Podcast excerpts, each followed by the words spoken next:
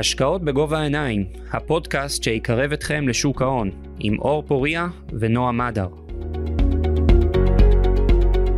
טוב, אחר הצהריים טובים, אנחנו בפרק נוסף של הפודקאסט שלנו, השקעות בגובה העיניים. לצידי כרגיל נועה מדר, מה שלומך נועם? בסדר, אור, מה העניינים? מצוין, קודם כל מזל טוב, וצריך תודה, להגיד. שהתחתנת לבחירת ליבך אה, נועם. נכון, נכון, אנחנו נועם ונועם, למרות נועם שלה אין זה- לא יודע מה בגימטריה, איך זה משפיע, אבל זה ההבדל טוב, צריך בינינו. להבדיל ביניכם איכשהו. אני מקווה שיהיה לאנשים יותר פשוט. אנחנו נלך על זה. אה, טוב, בסדר, אז קודם כל הרבה בריאות ואושר ו-. ונחת. מזל טוב. תודה רבה. אה, ואנחנו שמחים היום לארח את אה, דניאל אלון, אה, מנהל אה, קרנות הגידור של אה, IBI. שלום דניאל, אה, מה שלומך? טוב שהצטרפת אלינו. תודה רבה, כיף שהזמנתם אותי. שלומי טוב בנסיבות. אה, מקווה שהכל יהיה בסדר לכולם, מה אני אגיד לך? כן, טוב, זו זה- תקופה ש- תקופה שאף אחד לא אומר פשוט הכל טוב. תמיד... אה, יש איזה משקל כזה, כן. האמת שנחמד לשמוע שהתחתנת ויש שמחה גם. ו- העליתי את זה בכל הפלטפורמות ברשת, רק כי אמרתי, זה יעשה אנשים שמחים, ובאמת ראיתי שזה התפוצץ, כאילו, ממש אהבו את זה. טוב זה עשית. הפוסט הוויראלי של השבוע. כל- כן, כל כן. תמונה שלו זה 700 לייקים, תגובות. אתה- יודע, אותי זה, זה, לי זה היה נחמד, אבל אתה יודע, לאשתי זה כאילו, וואי, בואנה, איזה יופי, כמה אהבו את זה. עשתה עסקה טובה כבר. אני יודע, זה נראה בעתיד. טוב עשית. אה, טוב, אז אה, דני, קודם כל שמחים לארח אותך. צריך להגיד שאני ודניאל חברים עוד מימי הטכניון העליזים. אה, אז כיף להיפגש גם בסיטואציה הזאת. אולי נתחיל בזה שתספר למאזינים שלנו על איך הגעת לתפקיד הנוכחי, המסע שעברת. שמחה. אז, אז באמת אה, אחרי לימודים בטכניון, בשנת 2000 וסוף 8, תחילת 9, התחלתי הדרך שלי בשוק ההון. אה, התחלתי בפירמת family office קטנה, שנתיים הייתי שם, עשיתי סטאז' בניהול תיקים, ואחרי זה התקדמתי טיפה. ב-2011 עברתי לפסגות, הייתי שם מנהל השקעות בקרנות נאמנות, אה, קרנות קופות גמל, קרנות אה, השתלמות, גוף מוסדי, גדול. ובסוף 2013 עשיתי בעצם אה, שינוי כיוון דרסטי, הלכתי לעבוד בכימיקלים לישראל, החלטתי שאני רוצה להתנסות בקונצרן גלובלי, אה, והלכתי שם בהנהלה, הלכתי לעבוד בהנהלה ראשית, הייתי אנליסט מיזוגים ורכישות, כלכלן, אה, לימים העוזר של היושב ראש, ובסוף 2016 חזרתי לשוק ההון, ניהלתי נוסטו של חברה ציבורית גדולה, אה, שזה זה בתכלס הייתה טבילת האש הראשונה שלי, נקרא לזה האמיתית אה, בשוק ההון, שבאמת המושכות אצלי בידיים באופן... בניהול מוחלט. השקעות- בניהול השקעות מסחר אה, רסמי. אה, כן, כי כשאתה. מנהל השקעות בגוף מוסדי, בסוף אתה חלק מצוות, וקבלת ההחלטות היא חלק מצוות, ו...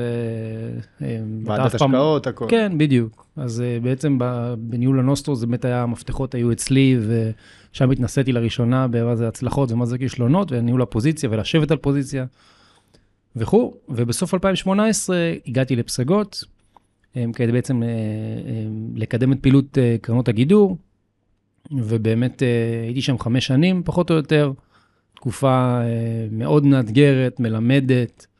Um, שבסוף אה, מסתכלים אחורה ורואים שהיו הישגים יפים והקרנות היו גדולות וטובות. אה, ובאמת, לאחרונה, ממש במאי הנוכחי, קיבלתי אה, הצעה מ-IBI, לעבור ל-IBI, ובעצם להיות שותף אה, בקרנות ולהתחיל הכל מאפס. אה, והיום אני שותף, שותף מנהל בקרנות הגידור של IBI, שקמו באמצע חודש מאי. עכשיו, כשאתה אומר קרן גידור, זה, זה, זה דבר מאוד כללי. כלומר, בן אדם שומע קרן גידור, זה נשמע לו סקסי, נשמע מגניב, אבל הוא לא באמת יודע מה זה. אז קודם כל, אולי תפרט קצת מה זה קרן גידור, וגם תסביר על הסוגי, סוגי השקעות, סוגי אסטרטגיות בקרנות גידור, ואיך אתה רואה את זה. אין בעיה. אז uh, אני חושב ש... אני, אני, אל תבדקו אותי במילה, אבל נדבר בגדול.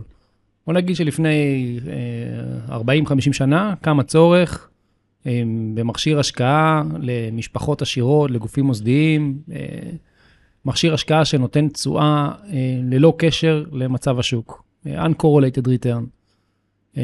וככה הענף צמח בארצות הברית, שנות ה-70, סוף שנות ה-70, שנות ה-80, 90's. אמ, ולאורך הזמן הענף הזה מאוד התפתח. אמ, הוא באמת אה, משך אה, לתוכו את מנהלי ההשקעות הטובים ביותר, כי גם התגמול בענף הזה היה הטוב ביותר.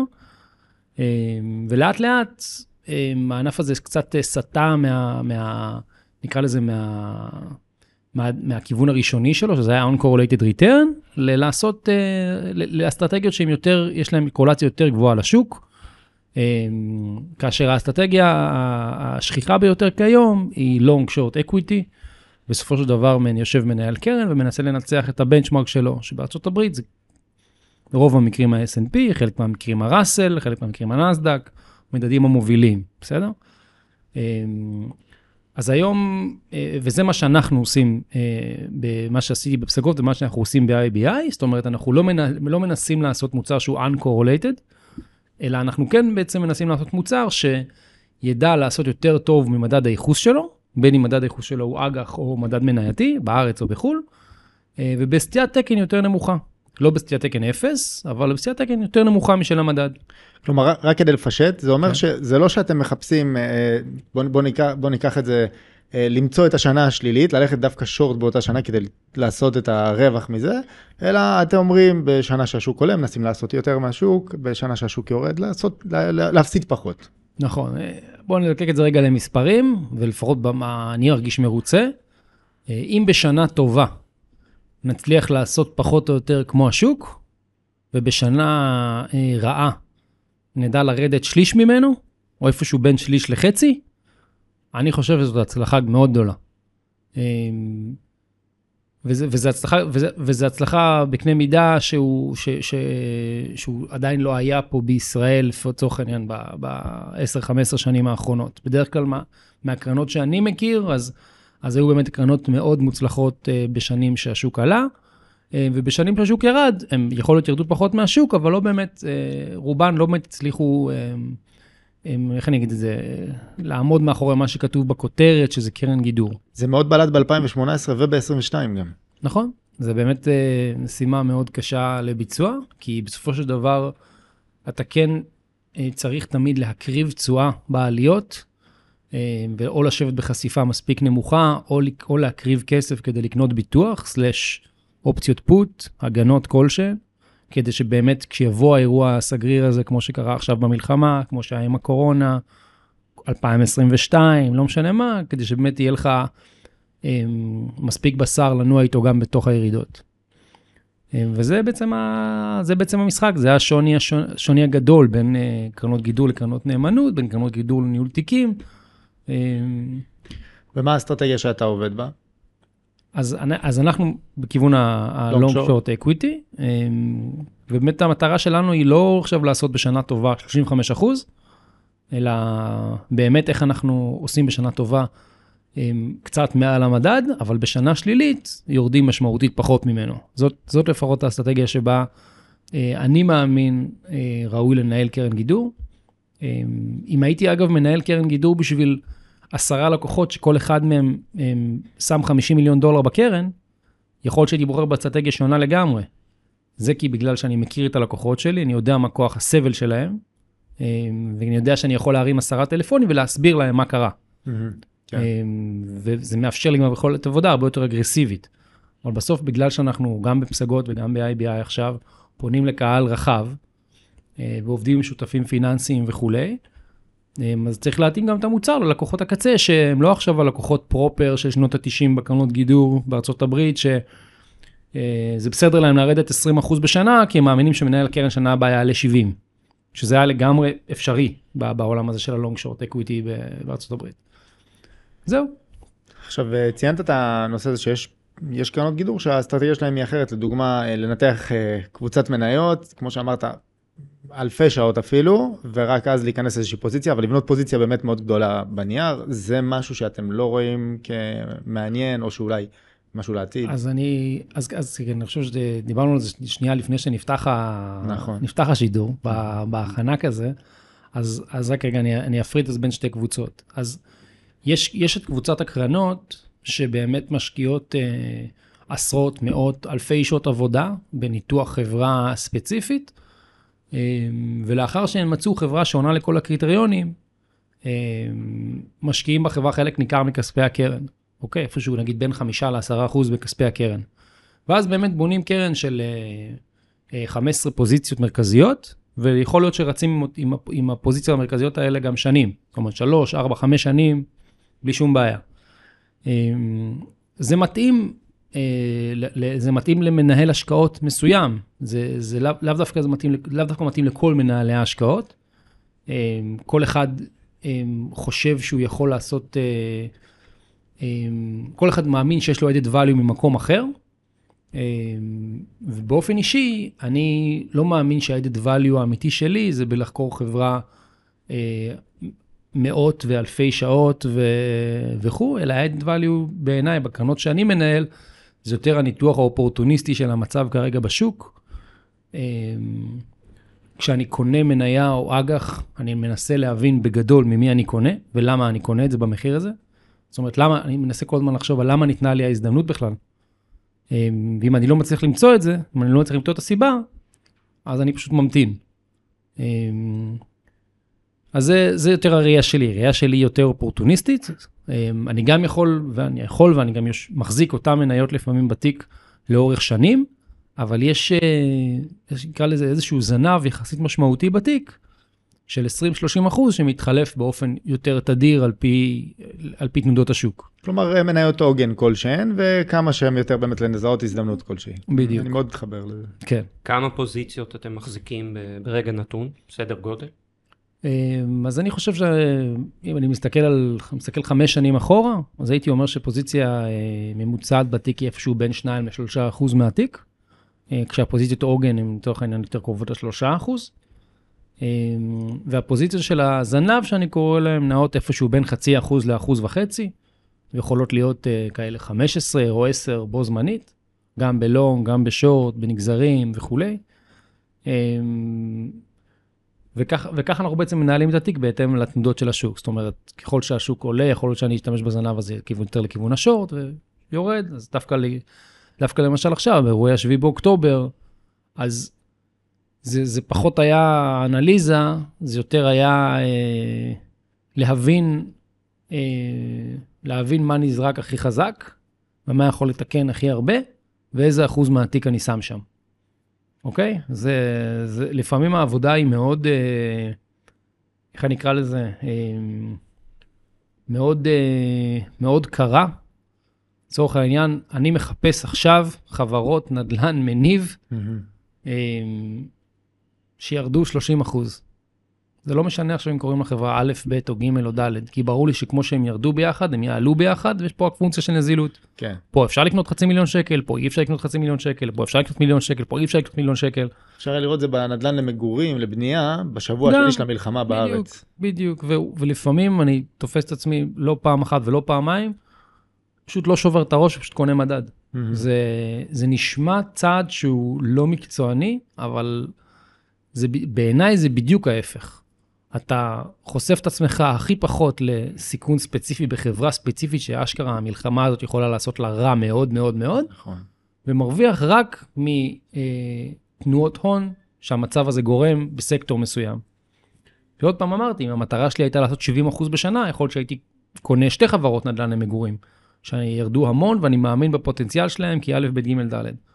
אבל בגלל שהמטרה שלי היא לנצח בנצ'מארק ולא לעשות 70% בשנה, אז אני מעדיף לקנות, מספיק לי, מה שנקרא, לקנות מדד שירד 30% בשבוע וחצי, ולתקן איתו חצי מהדרך, ואז למכור, מאשר עכשיו אה, לשבור את הראש ולהשקיע אלף שעות באיזה חברה ירדה ולא כמו שצריך, וכן כמו שצריך, ולהיות אחרי זה לא לישון זה- טוב בלילה. זה מעניין, אני כשניהלתי קרן גידור הרבה פעמים חשבתי לעשות אה, דבר כזה והרגשתי שכאילו, מה, משלמים לי דמי ניהול ודמי הצלחה בשביל לקנות מדד? כאילו, זו מחשבה שעברה לי בראש. אבל אני מאוד מסכים עם, לא. האסטרטגיה, זה, ממש. נכון, ואני גם מבין את החשיבה של מה יגידו לי, מה, בשביל זה אני עושה, אבל כן, זה, זה הרבה הוא יותר לא נכון. מדבר על לקנות S&P 500, הוא מדבר על לקנות את מדד כן, כן, הנדל"ן. כן, ברור, ברור, משהו מצ... אני יכול להגיד לך שנגיד, סתם דוגמה, פוזיציה ספציפית שהייתה לי, אה, ש- של חג'אג' באיזשהו שלב, כש...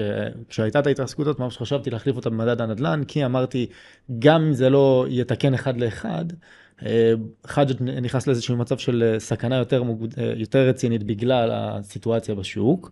לעומת זאת מדד הנדל"ן, ברור לנו שאם יהיה תיקון בנדל"ן, יתקן בצורה מספיק אגרסיבית, כי יחזיר לי אה, אחוז מאוד גדול מההפסד, גם אם לא אחד לאחד, אבל איזשהו אחוז מאוד גדול. אה, אז, אז אני באמת, באמת מאוד מתחבר לגישה הזו. אתם מחזיקים יותר החזקות בארץ או בחו"ל, או מה מה הלוקציה פחות או יותר? אני מנהל אה, שתי קרנות שמתעסקות בעיקר בישראל, אחת בתחום האג"ח ואחת בתחום המניות. שם אנחנו מחזיקים מן הסתם מניות בשוק הישראלי, אה, ואג"חים בשוק הישראלי, וקרן אחת שהיא סוחרת במניות ונגזרים בחו"ל, שם אני מחזיק מניות זרות. הבנתי, זה ממש כמעט 100% פה ו-100% פה? 100% פה ו-100% שם, אתה מתכוון. בקרן הזרה כן, כן, 100% כן, כן. חו"ל, בקרנות נכון, זאת נכון. אומרת שאין אה, מבחינתך עכשיו קרה אירוע בישראל ואתה אומר רגע יש פה הזדמנות אולי להקטין או להגדיל חשיפה כי הקרנות מראש אה, מיועדות לשוק מסוים. נכון. הבנתי. ואתה מזהה איזושהי תנועה של אה, אנשים אומרים לך תקשיב דניאל בוא אולי עכשיו נעביר כסף מהקרן הזרה לקרן המקומית או הפוך? אמ, לא.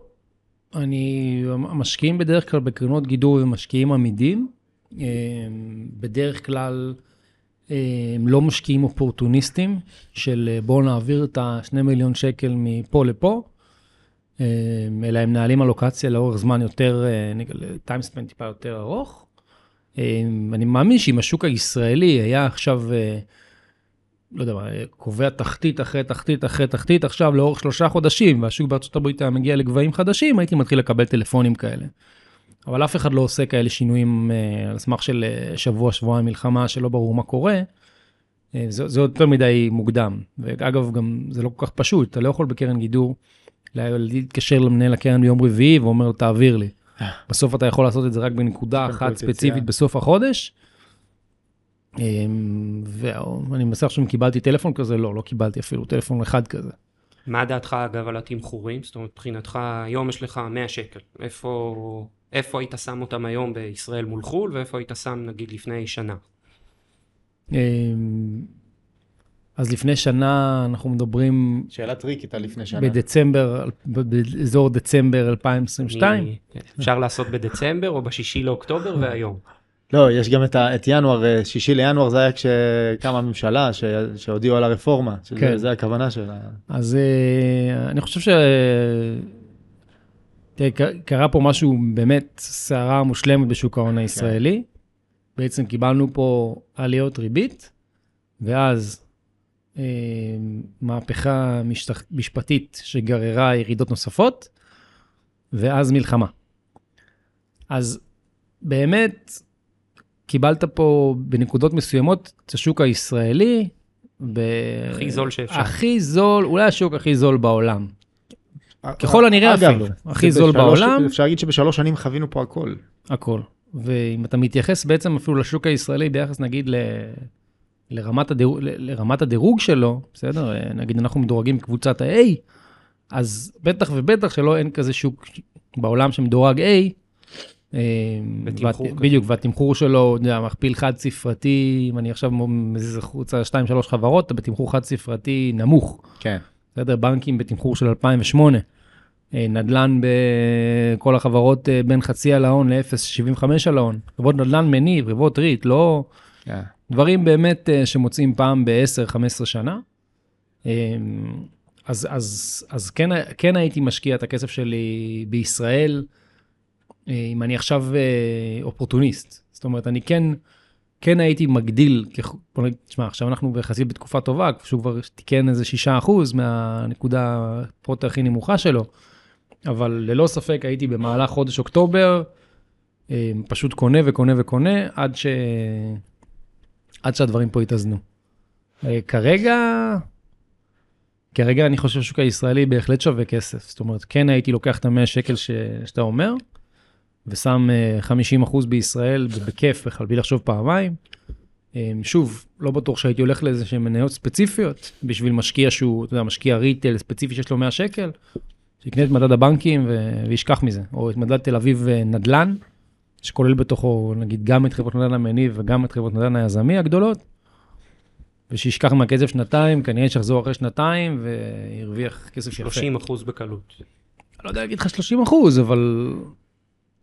תראה, בסוף בשוק ההון, תמיד, תמיד יש את החכם שחושב שהעבר, אה, שהעתיד לא יהיה כמו העבר, נכון? כן. הדרך הבטוחה להפסיד כסף. כן. הרי אם היינו תמיד משקיעים, אם היינו תמיד, תמיד אומרים לעצמנו שהעתיד יהיה בדיוק כמו העבר, היינו מרוויחים כסף. נכון? כי שוק המניות תמיד עולה, ואיכשהו אנחנו תמיד אף פעם לא קונים בירידות, ולא מה... אנחנו אף פעם לא יושבים 100% ככל שהשוק יורד, נכון? ככל שהשוק יורד אנחנו יושבים פחות ופחות ופחות, תלוי. אוקיי. אלא אם כן אתה תותח.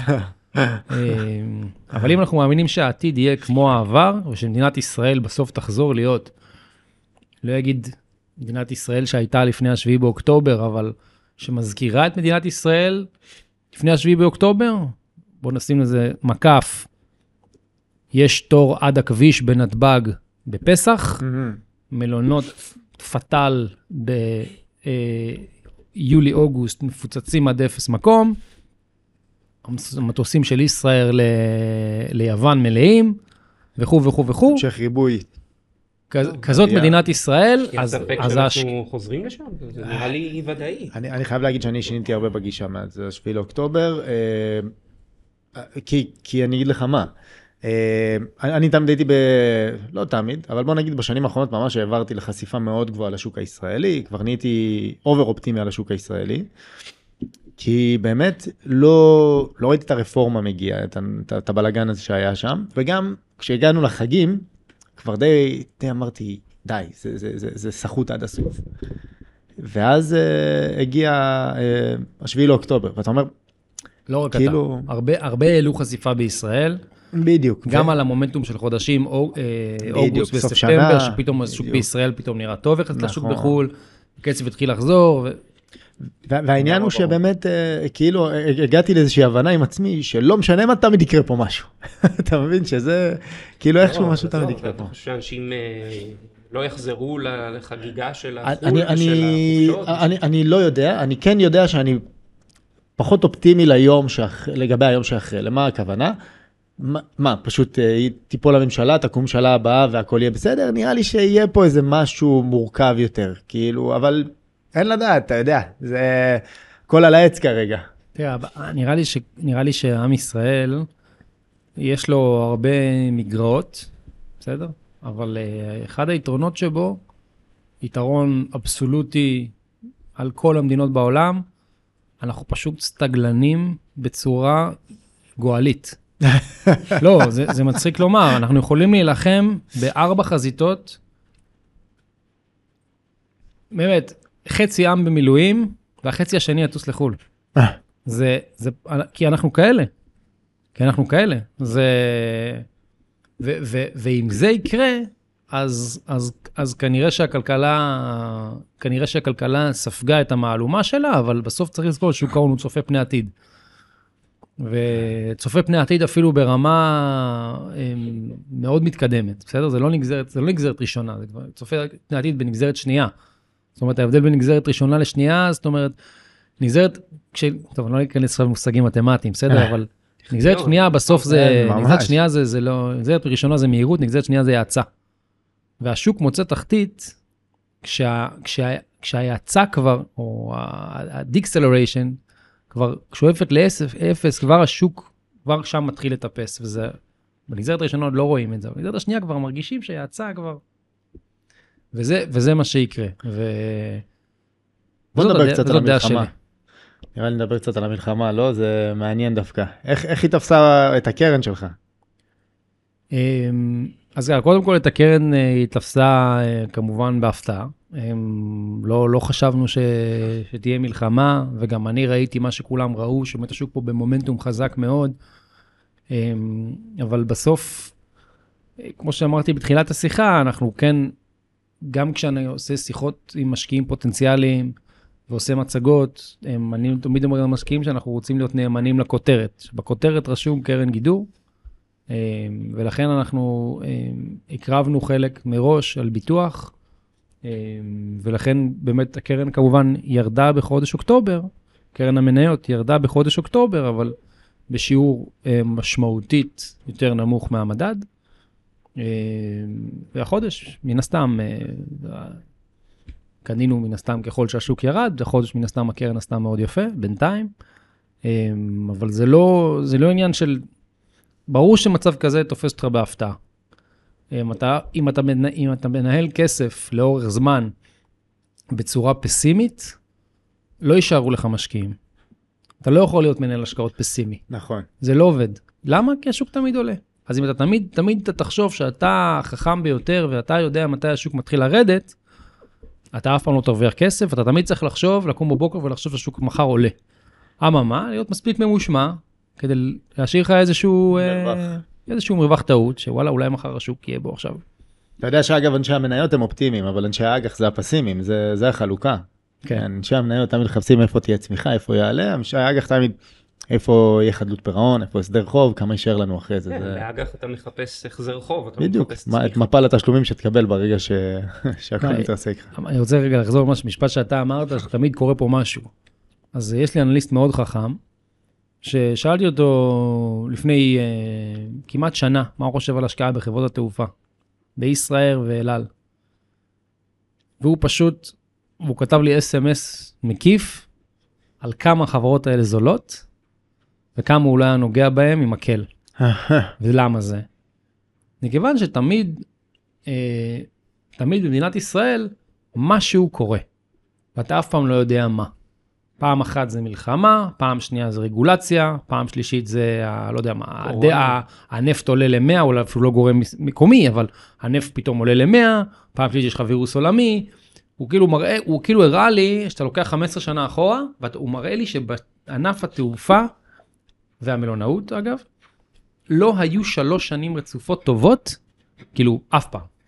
הברבור השחור זה שמה לא יקרה כלום. תמיד, תמיד. ואז, אה, ולראיה, באמת, אוקיי, אוקיי, אז הוא טעה בניתוח באותו רגע, כי באמת... אה, אל על עשתה 80 אחוז השנה. בדיוק, כי באמת, אל על, ירדה בחצי, לא? מאז ירדה ל-200 בשיא, עכשיו 200. אז, עוד אז מעט אל על 300. באמת, אה, אה, וישראל באמת מאותה נקודה שהוא אמר את זה, באמת עלו בעשרות אחוזים, ואז הם פשוט מחקו 90 אחוז מהעלייה הזאת תוך שבוע וחצי.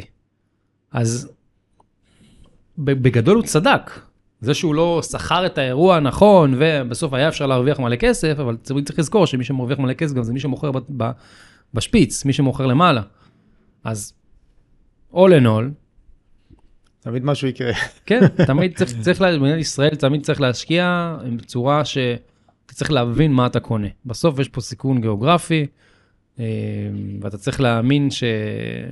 שאתה קונה בתמחור שהוא מצדיק גם את הסיכון הגיאוגרפי, לא רק את הסיכון העסקי של החברה. כמו היום נראה. נכון. האמת שיש והיום לי- באמת אפשר להגיד שכל, ה- ש- שהתמחור מגלם בתוכו את... אה, את כל יש לי. נקודה מעניינת אה, דווקא על, ה... על, על איך אתה מסתכל על הדברים עכשיו. אה, למה אני מתכוון? ראינו כבר את השוק מתקן שבוע, שבוע וקצת מהתחתית שלו, מאז הוא קצת מדשדש, ויש עליו, בזמן שבארצות הברית אגב הגיב לחיוב בגלל האינפלציה שמאטה. וירידות האג"חים האמריקאיות, וברור לנו שיש איזושהי משקולת בארץ, שזה מה יהיה עם הצפון. אוקיי, בוא נגיד עזה אנחנו כבר אה, מבינים פחות או יותר, אבל הצפון הוא מין אה, סימן שאלה גדול. אתה עכשיו צריך לנהל את הקרן שלך, ואתה יודע שיש, שאי ודאות, האי ודאות בצפון היא מוחלטת. זה אי ודאות מוחלטת, אנחנו לא יודעים, לדעתי גלנט ונתניהו לא יודעים מה באמת הולך להיות שם. איך אתה מנהל את זה? אז אני לא, לא מתיימר להיות uh, גנרל, um, והדרך שלי להתנהל היא בדיוק באותה צורה גם לפני השביעי באוקטובר. זאת אומרת, אין, אני יושב בחשיפות שאני מאמין שהן נכונות, um, מנתח בתוך הפורטפוליו איזה חברות באמת מושפעות ממה שקורה בכלכלת ישראל ואלה שלא. יש המון מניות בבורסה הישראלית שהפעילות שלהם היא בכלל לא בישראל, אבל המניות רשומות בישראל. אז יש לך דרך גם לעשות התאמות בפורטפוליו בהתאם לזה. אגב, אלה אז- נפגעו ובצדק. מי? חברות כאלה הם דווקא נפגעו ובצדק. אם זה מאנדיי כאלה, נפגעו כשהתחילה המלחמה, מסיבה די הגיונית. שמה? שעובדים אה, יצאו למילואים, שלא יודע אם אתם זוכרים, בשבועיים הראשונים אף אחד לא היה לו חשק לעבוד. אז גם זה, זה פגיעה לא, בתפוקה. אתה- על שבועיים אה, חושר חשק, אה, חברה שווה פחות. שבועיים זה לא, לא להרחיק חמישה. אחוזים מהשנה, לא חמישה אחוזים, שלושה אחוזים מהשנה, לא, לא מעט. אז אני חושב שהכי חשוב זה, הכי חשוב זה להבין את, אה, להבין את הסיכון שקיים לך בתיק.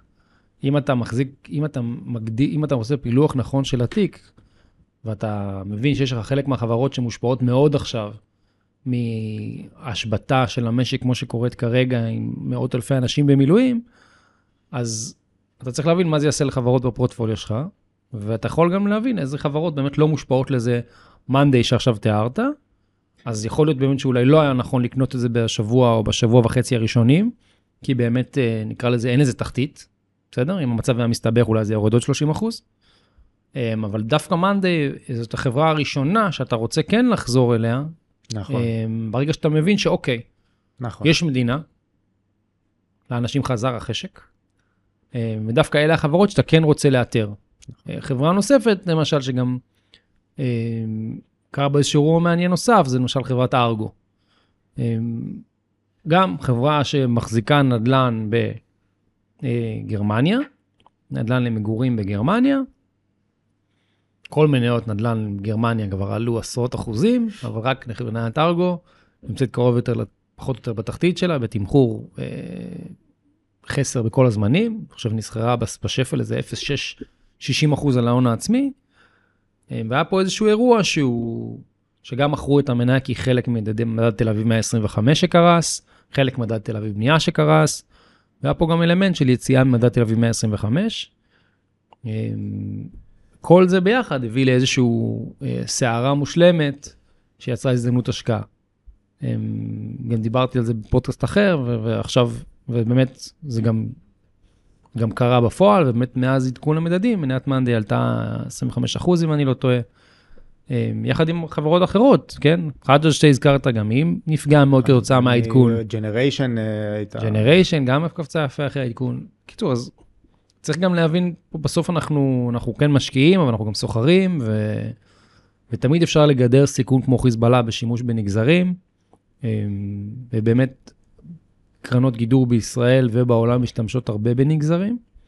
אמ, לקנות ביטוח, כמה לשלם על ביטוח, אפשר לקטום אפסייד כדי לממן את הדאונסייד. אמ, אז חד משמעית, זאת אומרת, אם אני ארצה להעלות חשיפה, אני, אלו, אני אלווה את זה גם בקניית אופציות פוט מחוץ לכסף, שאם משהו רע יקרה, לפחות תהיה לי אה, הגנה מסוימת על חלק מהפורטפוליו. איך אתה רואה היום את החלוקה בין מניות לאג"ח? דיברנו פה, פה על אה, אופטימיים ופסימיים. אני חושב שהחלוקה היא הפוכה קצת אולי בין הארץ לחו"ל, השאלה אם... שמה, מה זאת אומרת הפוכה? דעתי היא שבחו"ל יש מצב שהשקעה באג"ח עדיפה על השקעה במניות, בטח לאור המכפילים, ובארץ אני חושב שדווקא השקעה במניות מגלמת פוטנציאל יותר משמעותי. כן, אז אה, זה, זה, זה דיון שהוא נורא נחמד תיאורטית, אבל בפועל אני לא זוכר סיטואציה ששוק האג"ח עולה ושוק המניות לא עולה. אז אם שוק האג"ח יתפקד פה בצורה טובה, כנראה שהמניות עלו פי שתיים. אז, אז, זה לא, אז זה לא החלטה שרק אומרת אה, איפה אני ארוויח יותר כסף, אה, כי אני מבטיח לך, ואני מוכן שנשב פה עוד שנה, ואם ה-LQD וה-HYG בארצות הברית ייתנו עד סוף שנה הבאה, כולל דיבידנדים, 7-8 אחוז, 10 אחוז, מה שיכול לקרות בשנייה, כלומר, יכולים לתת את זה גם בחודשיים וחצי, אף אחד לא אמר בעשרה בשנה, אז אני חותם לך שמדד הראסל אה, ייתן פי שתיים. אוקיי? יכול להיות שלא מדד, יכול להיות שמדד ה-S&P והנסדק לא ייתן את זה, כי יכול להיות שהוא כבר עשה את הריצה שלו על כל מניות הפנג, אבל דווקא המניות שנסחרות, מה, יש בארצות הברית מניות שנסחרות מכפיל 10 אה, כמו זבל. הן פשוט לא נמצאות בכותרות. בכותרות אנחנו רק מדברים על הפנג כל היום. לא, אמרו, מדד משקל שווה, וכמעט לא נתן תשואה מתחילת שנה. שלילי. אה, אולי עכשיו חזר להיות כן. חיובי. אבל, אה, אבל כן, אין, אין לי ספק שמדד הראסל... צריך להגיד, אגב, אה, מדד הראסל זה מדד של המניות הקטנות בארצות הברית. כן, הקטנות זה מניות שכאילו מניות של אה, מיליארדים. כן, כן. זה לא חשבו שזה פה להשוות את זה ליתר, כן? אבל, אבל אין לי ספק שאם מדד האג"ח שם ייתן 7-8 אחוז, הראסל יכול לתת גם 20. ואני גם מאמין שה-S&P ייתן יותר מהאג"ח. יכול להיות, עכשיו, תמיד בודקים השקעות בתשואה לעומת סטיית תקן. אז יכול להיות באמת שמדד האג"ח ייתן את זה בקו ישר, בלי כאבי בטן בדרך, לישון כל הדרך אל הבנק, ו... ומדד המניות יהיה יותר תנודתי. אבל, אבל לדעתי בסוף, זה, תמיד יש יותר פוטנציאל במניות, גם כששוק האג"ח עולה, כן. וזה נכון גם בישראל וגם בחו"ל. אמ, כן, פה התמחור של המניות לעומת האג"ח הוא, הוא by far עיוות. כלומר, שוק האג"ח בישראל נורא יקר לעומת שוק המניות.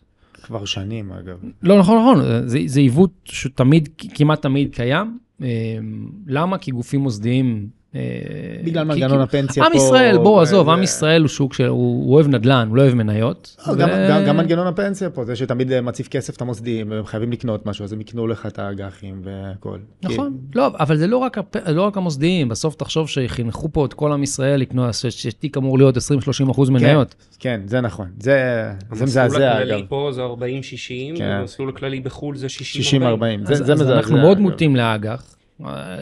פה כל בן אדם שני יודע לדקלם מה זה אג"ח. כן. אתה יודע ללכת לארה"ב, שאל אנשים מה זה אג"ח, יצחקו עליך בפנים. אה, מי קונה אג"חים? זה לפנסיות. כן, זה נכון. בישראל כל בן אדם שני רוצה לקחת קרן מעורבת של 80 אחוז אג"ח. מה זה, אל, אל תשכח שנגיד פ- פנסיה ברירת מחדל שלך, זה לפי גיל, כלומר יכול להיות חייל משוחרר, שמים לו אה, מסלול אה, עד גיל 50, אתה יודע, בן אדם בן 22, ת- לסיים אותו בסיכון של בן אדם בן 50, אתה קולט שזה מטורף. זה- כן. אז, אז שוק האג"ח פה יקר, שוק המניות פה מאוד זול, בטח בהשוואה לשוק האג"ח. אה, ללא ספק הייתי מטה כסף למניות. ואגב, לא צריך להתחכם יותר מדי, אפשר ללכת למניות הכי איכותיות, נזילות וגדולות בתל אביב. תראה, נוצר פה מצב מעניין מאוד. אנחנו בחמש שנים האחרונות ב- בשוק בארץ, היה לנו רק שנתיים חיוביות, רק 2019 ורק 21. לא זוכרים, ב-2020 בארצות הברית אה, היה חיובי, אבל בארץ היה שלילי. 2020 מדד תל אביב היה שלילי. קורונה. תל תל אביב היה שלילי, כן, כן, אה, בארצות הברית דווקא היה חיובי, אני לא זוכר אם היה דו-ספרתי, אבל היה את חיובי. השנה הספדת כבר? השנה, אני אגיד לך למה אני קצת, קצת מספיד. אני לא רואה איך בחודש וחצי שנותרו, אה, יימצא פתרון שישחרר את השוק אה, מספיק, כמה אנחנו צריכים לעלות ו- כדי להיות חיובי השנה? בערך חמישה-שישה אחוזים. נראה לי ריאלי. ריאלי בהחלט. תראה, זה, זה עניין של החלטה, כן? מספיק שלא יודע, מגיעים לאיזה איזשהו הסכם כלשהו, לא. הפוגה כלשהי, וזה המשך יכול לקרות. הלחימה זה יעלה לשם, לדעתי. אל, תשכח גם שהמשקולת הקודמת של הרפורמה אה, ירדה. מהפרק לגמרי, כנראה שהממשלה גם תיפול, אה, יהיה יהיה לך עוד. דברים. הדולר, אבל תה- תהיה לך, כל, כל דברים שהיו קצת משקולת לדעתי השתחררו. עכשיו זה רק באמת לראות אה, מתי נסיים את המערכה שיכולה... אל תספיד עוד את השנה. איך, איך אמרתי לאנשים שדיברו איתי, לבנון הראשונה הייתה 20 שנה, אז אה, אתה יודע. תראה, כדי להגיע פה לשוק חיובי עד סוף שנה, צריך ש... לדעתי צריך שייכנס קונה חדש לשוק. מה זה קונה חדש לשוק? מישהו, אה, שחקן ל- לא, לא. ישראלי, כן, בסדר? המוסדים קונים כבר. כי אני אגיד לך מה, מה יקרה. בסוף, כדי שהשוק יעלה, אתה צריך קודם כל שהוא ינקה כל מיני מוכרים כמוני, אה, שעמדו פה לפני שבועיים וקנו, מהמם, נכון? כן. כל המוסדים, ואולי גם מוסדים חכמים שעמדו וקנו. יכול להיות שיש מוסדים שעמדו וקנו 200-300 מיליון שקל בנקים, או חוזים על המעוף, או כל דבר אחר, ושאם השוק יגיע בדיוק לשער של הלפני מלחמה, יעמדו כמו בטון, ימכרו הכל. אולי קרנות, המוסדים אתה גמל זה תמכור לא אם מוכרים יגיע כלום. לשער לפני המלחמה? יכול להיות שאני ארד חזרה לחשיפה המקורית שלי, כן? עוד פעם, אני לא פונקציה, כי אני שחקן נורא קטן, אבל לדעתי יעמדו פה... בלי- בלי רפורמה משפטית. מה זאת אומרת בלי רפורמה שוק משפטית? טרם פחות הלחימה, משקולת. תמחר כן, כן, את, כן, כן. את הרפורמה. כן, שהרפורמה אבל- אנחנו מבינים היום שהיא אני לא יודע. סבירות גבוהה איננה. אני לא יודע, אבל זה כמו, שמע, זה, מה, זה כמו שהדולר עכשיו נמצא איפה שהוא נמצא, הרבה יותר נמוך. הרבה יותר אני- נמוך. האם, אני חושב שכרגע, כלומר, אני משתמש כרגע בדולר, אפרופו אופציית פוט שאפשר להשתמש בהם בתור הגנה. אני כרגע משתמש בדולר בתור הגנה. זאת אומרת, אם חלק מההשקעות שלי בארצות הברית היו מגודרות מטבע בקרן, אז אז- הפסקת לגדר. אז שחררתי את ההגנות בעצם על המטבע, כדי שיהיה לי בעצם סוג של גידור טבעי בתיק. כן. אמ, ואגב, הכל כלים שלובים, אוקיי? אם יהיה פה, זאת אומרת, השוק כן יכול לקבל איזושהי עדנה מזה שהדולר ירד, כי גם עכשיו, מה זה אומר שהוא ירד? ניקח את זה שנייה למשמעות של אינפלציה והורדות ריבית. אז עכשיו בעצם יש על הנגיד פחות לחץ, נכון? הוא עכשיו יכול בצורה יותר נוחה גם להוריד ריבית, כי הוא כבר לא פוחד שהדולר ילך לו לארבע וחצי. נכון. אמ, אז, אז זה גם גורם שעוזר לתמחור של השוק. הדולר יורד, אומרים, אוקיי, נגיד יהיה יותר קל להוריד ריבית, יוריד ריבית, אז השוק, בוא ניתן לו טיפה אקסטרה בתמחור, ודבר שמזין את עצמו. אם הדולר יקפוץ חזרה ל-3.9, אתה על משהו טכני תאבד פה מהתמחור במניות. כן. זאת אומרת, שוק המניות בוודאות יורד 2-3 אחוז, עם ה... גם, זה אני גם חותם לך. כן ולא, כי המניות הדואליות אה, מוסיפות אחוזים. בסדר. יש לך את זה בהרבה ניירות. אז אולי, אולי מדד המעוף יעשה יותר טוב מה-90, אבל אם נסתכל על תל אביב 125, אם הדולר חוזר ל-3.9, השוק פה מינוס 2-3 אחוז, בכלל בלי שאלה. אז זה גם מאוד תלוי מה קורה בחזית שזה הגיאופוליטית. גם הסיבה ותוצאה. זאת אומרת, שמה? יכול להיות שיהיו ירידות וכתוצאה מזה הדולר יעלה. זאת אומרת, ירידות בעולם. יריד גם, או אירוע ביטחוני, משהו כאן, ואז דולר לא. יקפוץ ומניות ירדו. נכון. אה, אתה התכוונת בגלל הקורלציה אל מול השווקים. כלומר, כן, שאם השוק בארצות הברית. עולה, אז אה, כן. אז אה, צריך פה שלדעתי כדי להיות חיובי מתחילת שנה ולמחוק את הירידות מתחילת הלחימה, אתה צריך פה אירוע שהוא מאוד משמעותי, כי בסוף, תסתכל על המדינה בתור עסק, אנחנו כרגע עסק לא טוב, מהמם. אנחנו עסק ששורף מלא כסף מלא. במדינה. אתה צריך שמשהו ישתנה, אז, אז אוקיי, מי שקונה פה עכשיו את השוק, מאמין שהלחימה תיגמר, מאמין שא', ב', ג', מאמין שנהיה בתורים או בנתב"ג באפריל עד שגם ככה הכביש. זה מספיק זול כרגע להתחיל לקנות. אחלה, אז בדיוק, אבל ברגע שכבר אתה תהפוך לתמחור פסיכולוגית של תחילת הלחימה, אתה לא יכול לעבור את התמחור הזה בלי ששום דבר טוב מאוד קרה ב, ב, בנכס הבסיס שלך. נכס הבסיס זה המדינה. אז אי אפשר שאנחנו נמשיך לשרוף אה, כסף ככה במדינה, אה, ושהשוק ימשיך, אתה יודע, ממש יטאטא את האירוע הזה לחלוטין. נשמע לי, נשמע לי תלוש, זאת אומרת, זה, אני שם על זה מצד שני, סבירות נמוכה. האמריקאים מזרימים כסף. למי? אה, לנו. כן, אז בוא נגיד שהאמריקאים מאמינים לנו את התחמושת. אני לא מבין גדול בזה, אבל בוא נגיד, 14 מיליארד דולר זה... אגב, אתה עדיין אני לא יודע לא- אבל איך זה יתפזר. אתה- עדיין לא יודע אם נגיד זה יהיה אה, בנשק שהם ישלחו לך, האם זה יהיה לא, כסף. בוא, בוא, נסכים, 14 בוא, מיליארד בוא, בוא נסכים לדעתי שזה זה לא משלם מזמן. את הצו 8 לאזרחים, נכון? לא, זה בטוח לא יהיה. אז בוא נגיד זה מממן כל המלחמה. יאללה, עליהם מה שנקרא. עדיין פה, יש לך פה מאות אלפי מפונים, עוד מאות אלפי בצו 8. כן. אנחנו בעסק רע. המדינה כרגע במצב רע מבחינת הכסף שלה. אז צריך שמשהו ייפתר פה בכיוון הזה, או שישחררו מילואים כי הולך מדהים בלחימה, כן. או שהמפונים חוזרים אלו לבתים. צעדים כי יש שיתחילו. לעשות. הלוואי. כלומר, גם מפונים אני יודע שחלקם מתחילים לחזור. אה, בפקודת, בהוראת ממשל, בהוראת המדינה, כן. או שכאילו נמאס להם כבר לחיות... לא, אני- אה, אני יודע שנגיד חלק. זהו, חלק באזור הדרום, לא בצפון זה אגב. דבר מאוד חשוב. ומילואים, כן, כבר מהשבוע השלישי מילואים התחילו לשחרר חלק שהם אה, גויסו, אתה יודע, ישר, והתחילו, ולאט לאט זה מדולל, אבל כן, עדיין יש אה, סד"כ מילואים הרבה יותר גבוה עכשיו ממה שהיינו, כן, זה לא, אין אפס פה. אז, אה, אז הדברים האלה יצטרכו לקבל משקל יותר גדול בעיניי, כדי באמת לשים רגע את המלחמה בצד ולהסתכל פני עתיד על המלחמה, ורק להשאיר את הרפורמה המשפטית בתור משהו תלוי. כרגע אתה חייב להשאיר את שניהם תלויים באוויר. בוא נדבר על סקטור מסוים רגע, בוא נדבר על הסקטור הביטחוני, שראינו אותו טס בהרבה, בהרבה חברות ספציפיות דווקא בתקופה הזו. אה, חו- חוץ מכמובן אלביט שזה פלא, אמנם התמחור באמת גבוה, אבל היסטורית היא תמיד אה, יקרה. איך אתה, איך אתה מכניס אותו כרגע מבחינתך ברמה האסטרטגית אה, לקרן? אני חייב לומר ש... כי יש פה שינוי מהותי. כן, אני חייב לומר ש... שאני מעולם לא הרווחתי כסף על חברות ביטחוניות. אה, האמת שפעם אחת אה, החזקתי מניות של חברה בשם ראדה, שמוזגה נמחקה ל-DRS. ונקשרה ו- אה, וכו' וכו', אבל זה לא היה על רקע לחימה, זה על רקע סוג של הצעת רכש ומיזוג אה, משולש אופקי וכל הסיפורים. אני חייב לומר שאין לי, לי איזשהו משהו חכם להגיד על חברות ביטחוניות. אה, אני לא מתמצא בתחום, אה, ומעולם לא החזקתי מניות של אלביט מערכות, זה תמיד היה נראה לי יקר. כן. אה, אז אין לי... אני אף פעם לא אוהב להמר, ש... להמר בקרן שיקרה משהו נורא. לא רוצה לקום בבוקר, אמרנו את האופטימי. וש... לא, זה גם, תחשוב שאתה עובד בזה כל החיים. אז מה, אתה רוצה לה, עכשיו לקום בבוקר ולקוות שיקרה משהו נורא נורא רע כדי שהמניה שאתה מחזיק תעלה? זה לא... כן. זה לא, זה לא אני. אה, אז אני, אין לי משהו תמיד חכם להגיד על מנות החברות הביטחוניות. מה דעתך על אה, הנדל"ן בעצם? הנדל"ן הוא ב- בסוג של מגמת ירידה, לאן אנחנו הולכים, איך המלחמה אמורה להשפיע. אז, אה, אז לגבי הנדל"ן, אני, קודם כל, אני כן הגדלתי השקעה בחברות נדל"ן, אה, בפעם אפילו הראשונה. לא, לא מדבר על מניות, אני מדבר על דירות למגורים. אה, אני חייב, אני חייב להניח תמיד אופטימי. שיהיה פה בסדר. בסדר? שאנשים יחזרו לקנות דירות, ושאנשים ירצו לגור פה, יותר, פחות, זה, בסוף האוכלוסייה פה גדלה בקצב מהיר, השטח הוא מוגבל, ואני חייב להאמין שהגורמים האלה לא הולכים להשתנות. כי סביר שהם לא ישתנו. הם יכולים להשתנות, אבל תמיד אתה משקיע לפי התרחיש הסביר, לא לפי התרחיש הקיצון. היה לך סיכוי סיכון, כן. כן. אז, אז, אז תחת ההנחות האלה, אמ, אני כן ארצה לקנות תמיד חברות נדל"ן למגורים אה, שבונות דירות למאסה, בסדר? ל... אתה יודע, לציבור הרחב. לא עכשיו, יודע, אני לא יודע להגיד לך מה יקרה עם, עם שוק דירות היוקרה בתל אביב, בסדר?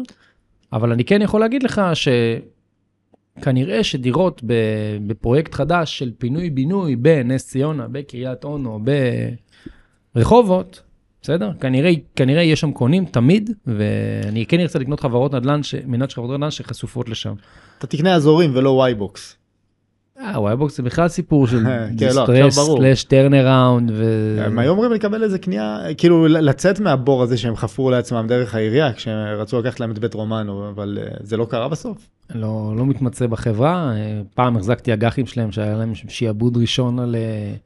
היה להם פרויקט נורא נחמד, ממש קרוב לאיפה שאנחנו יושבים, בצפון, בצפון פלורנטין.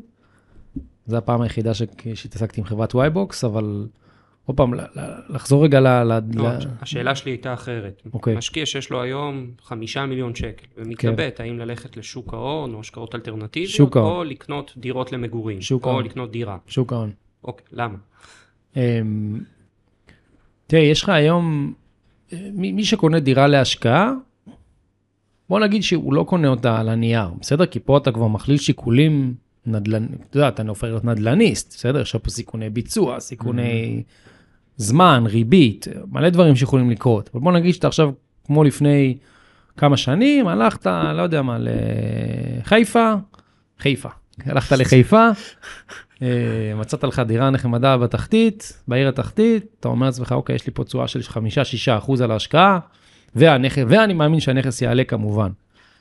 אז, אז יש לך פה נכס בודד שקנית, הכנסת, לו, הכנסת בו את כל הכסף הפנוי שלך, בוא נגיד שאתה מצפה בתרחיש מדהים לעשות עליו 5-6% בשנה, בסדר? הכל כולל הכל לאורך 10-15 שנה, וזה מדהים, מי עושה לך? זה, mm-hmm. זה נחשב הצלחה מדהימה, נכון? לעשות 5-6% בנדל"ן בישראל לאורך זמן.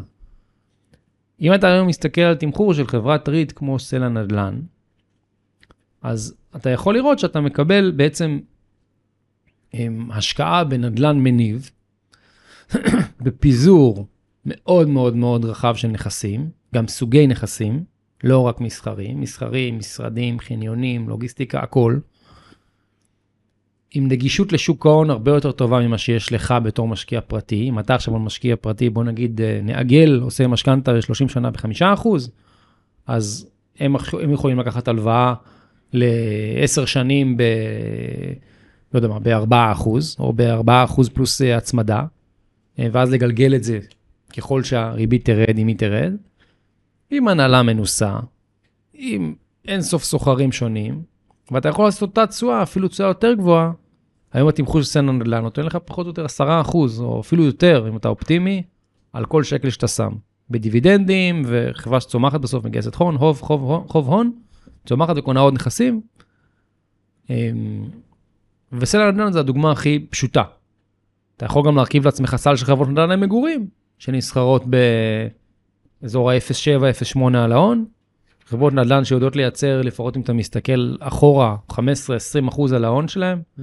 אז אם אתה קונה אותם גם בהנחה של 20 אחוז על ההון, אז בכלל אתה יכול לעשות פה תשואה, תשואה על ההון שאתה משקיע, זאת אומרת שאתה קונה על מחיר המניה שלך.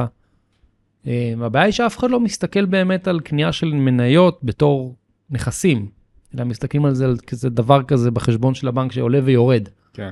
אמ, אמרתי, נדל"ן בארץ היה פחות אטרקטיבי, אם אנשים היו רואים עליו מספר לפי זה, ברמה היומית. אז אה, בטח שבתמחור הנוכחי, ועם כל הסיכונים שכרוכים בזה, ועם הריבית שאתה בעצמך עכשיו צריך לשלם על המשכנתה, בוא נגיד שקניית נדל"ן לא ממונפת היא בהגדרה השקעה מוזרה, זאת אומרת, אני לא יכול לחשוב על למה שמישהו רוצה לעשות את זה.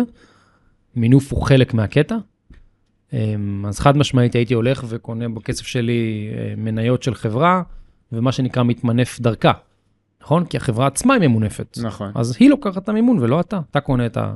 אתה משקיע equity, גם לקנות דירה בסוף ולהיות משקיע equity. נכון. אמ, והבנק... בלי פיזור. מה זה? ובלי פיזור.